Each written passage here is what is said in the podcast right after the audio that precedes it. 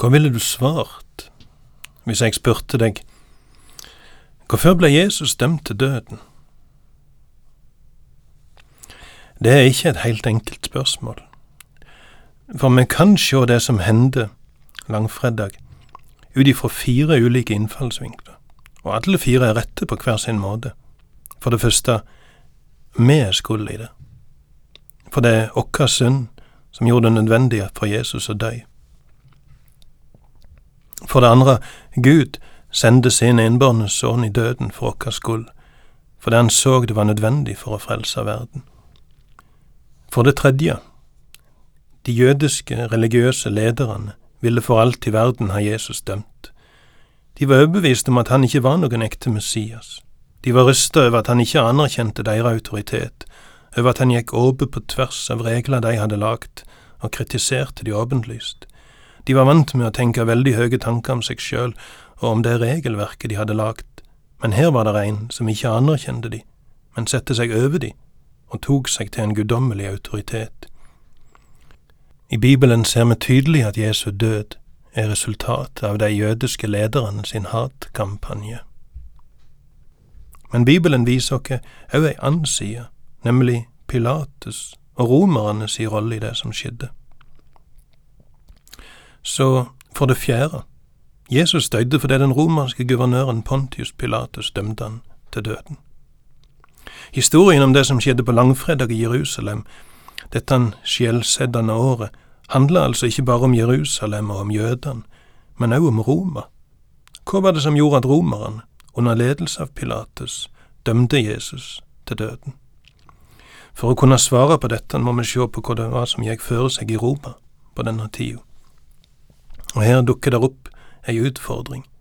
Vi har en heile del opplysninger fra historiske kilder om situasjonen i Roma, men det er litt ulike meninger om hva, slags årstall Jesus døde.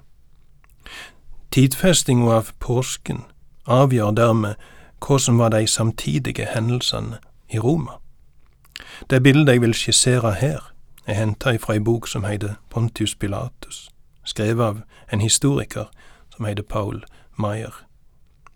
Han som var keiser mens Jesus virka, heter Tiberius, men han var lei av jobben som keiser for Romerriket. Dessuten var han aleine etter at sønnen døde, og så forlot han Roma. Han reiste ut til kysten og bosatte seg på øya Capri. Han overlot styret av riket til en mann som heter Sejanus, en maktsjuke general. Tiberius var keiser i navnet, men i praksis var det Sejanus som styrte riket. Det var altså han Pilatus rapporterte til, som guvernør over provinsen Judea. Sejanus fikk mer og mer makt, og etter alle solemerker lå han an til å bli den neste keiseren i Roma når den dagen kom at den barnløse keiser Tiberius døde. Men ikke alle støtta Sejanus. Den jødiske del av folket i Roma støtta rivalen til Sianus, og dette han gjorde at Sejanus fikk en mer og mer antisemittiske holdning. Pilatus styrte altså som guvernør i Judea, og sjefen hans var en jødefiendtlig general. Det var ikke noen enkel jobb Pilatus gikk til. Jødene var kjent som et opprørsk folk, og det må derfor ha vært med mye spenning Pilatus gikk til jobben. Bare noen måneder etter at han hadde starta i jobben, skjedde det noe som skulle sette Pilatus på prøve. Et av de soldatkompaniene som Pilatus rådde over, hadde et bilde av keiseren på fanene sine. Når det blei dette en kompani sin tur til å være stasjonert som vakter i Jerusalem, marsjerte de inn i byen og satte opp fanene sine i Antonia-festningen, som lå omtrent vegg i vegg med tempelet i Jerusalem. Dette kan virke harmløst for oss, men det var et problem i Israel. De ti budene forbyr å lager seg et utskåret bilde, et avgudsbilde. Men jødene tolka dette så strengt at ikke de ville lage et bilde av noe som helst. En annen side av saken var at romerne teba keiserne sine. Når det var bilde av keiseren på fanene, brøt det ikke bare forbudet mot å lage bilde av mennesket, men det ble òg tolka som ei snikinnføring av romersk keiserdyrking, og det er rett at med selveste tempelet i Jerusalem. Da jødene oppdagte fanen som vaia ifra Antonia-borga, fanen var godt synlig ifra tempelplassen, blei det ramaskrik i byen, og en stor delegasjon jøder drog av gårde til Cesarea, der Pilatus holdt til for å be han fjerne disse fanene ifra Jerusalem. Med dette han havna Pilatus i ei leie knipe. Hvis han ga etter, kunne det bli sett på som et tegn på svakhet. Dessuten ville det kunne oppleves som sviktende lojalitet og respekt overfor keiser Tiberius, hvis Pilatus fjerna bildet av han ifra Jerusalem. Pilatus prøvde å stå på sitt, men jødene ga seg ikke, de ville heller miste livet enn å tillate avgudsdyrkelse i Jerusalem, og Pilatus visste han måtte slå retrett. Han kunne ikke sende rapport hjem til Roma om at han noen veker ut i regjeringstida si hadde tatt livet av tusenvis av demonstrerende jøder. Han var rasende, men så at han måtte gi seg. Nederlaget var et faktum. Pilatus visste det, og jødene visste det. Så gikk det ei tid, og så trødde Pilatus i salaten ei gang til. Han ville lage en akvedukt, en vannledning, som kunne frakte vann til Jerusalem. I den tørre delen av året var vannforsyninga til Jerusalem dårlig. Folk hadde hogd ut vannkummer i fjellet under byen for å samle regnvann i. Men dette var et sårbart system, og var avhengig av at en fikk fylt opp disse vannlagrene i den delen av året da det kom litt regn.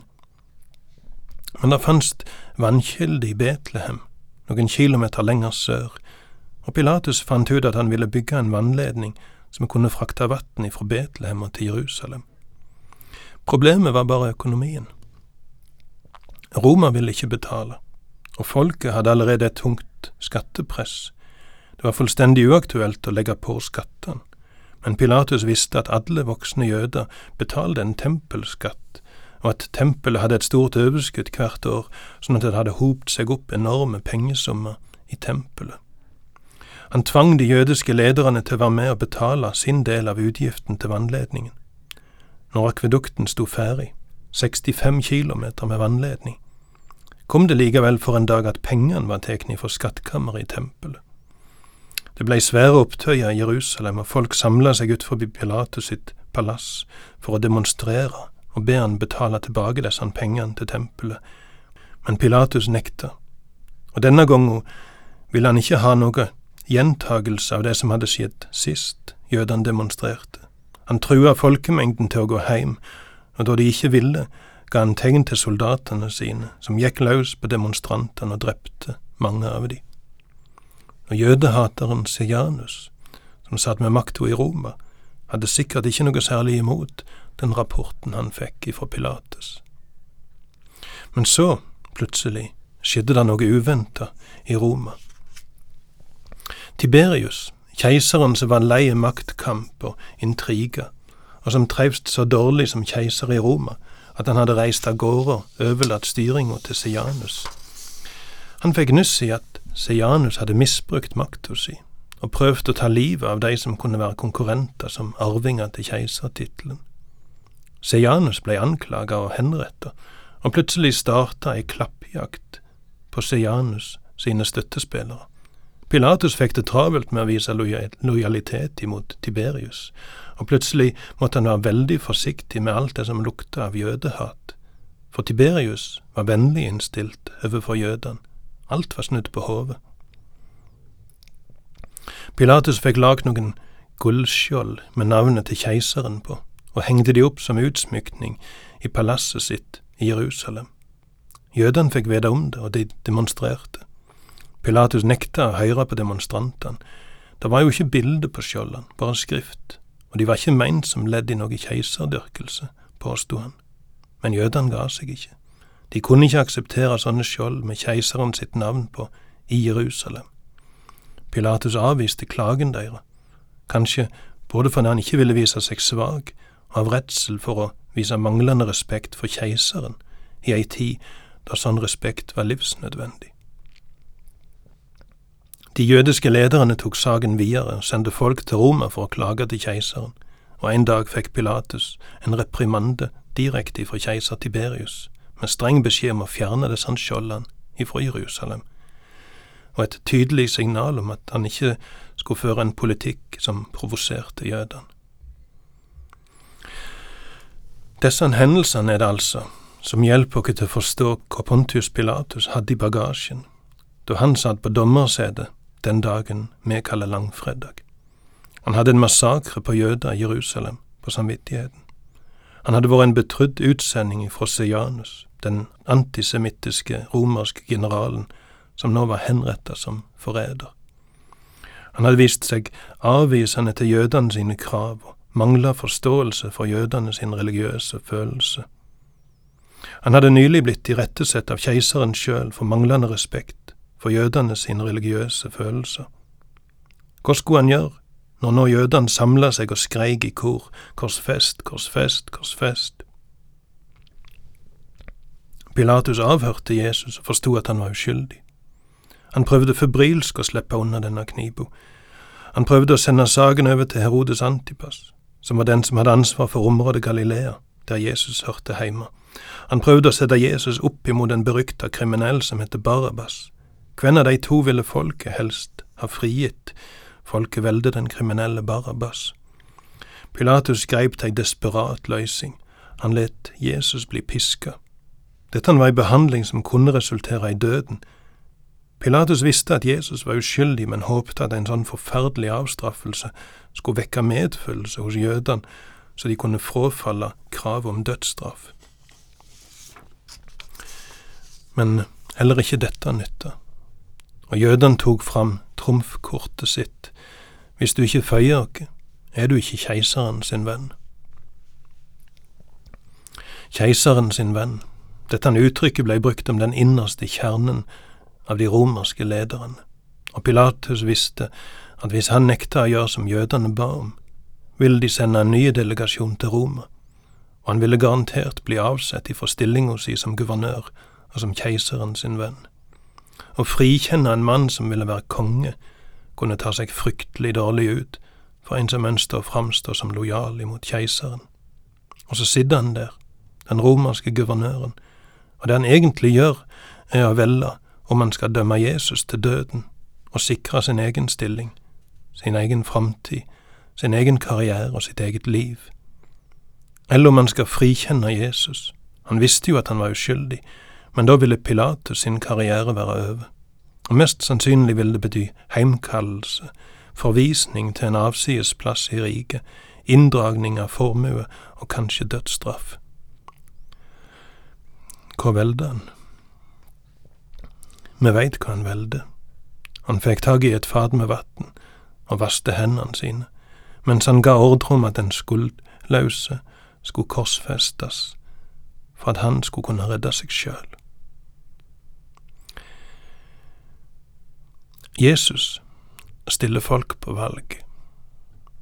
Pilatus ble stilt på valg. Og nå, snart 2000 år seinere, er Jesus fortsatt stilt folk på valg.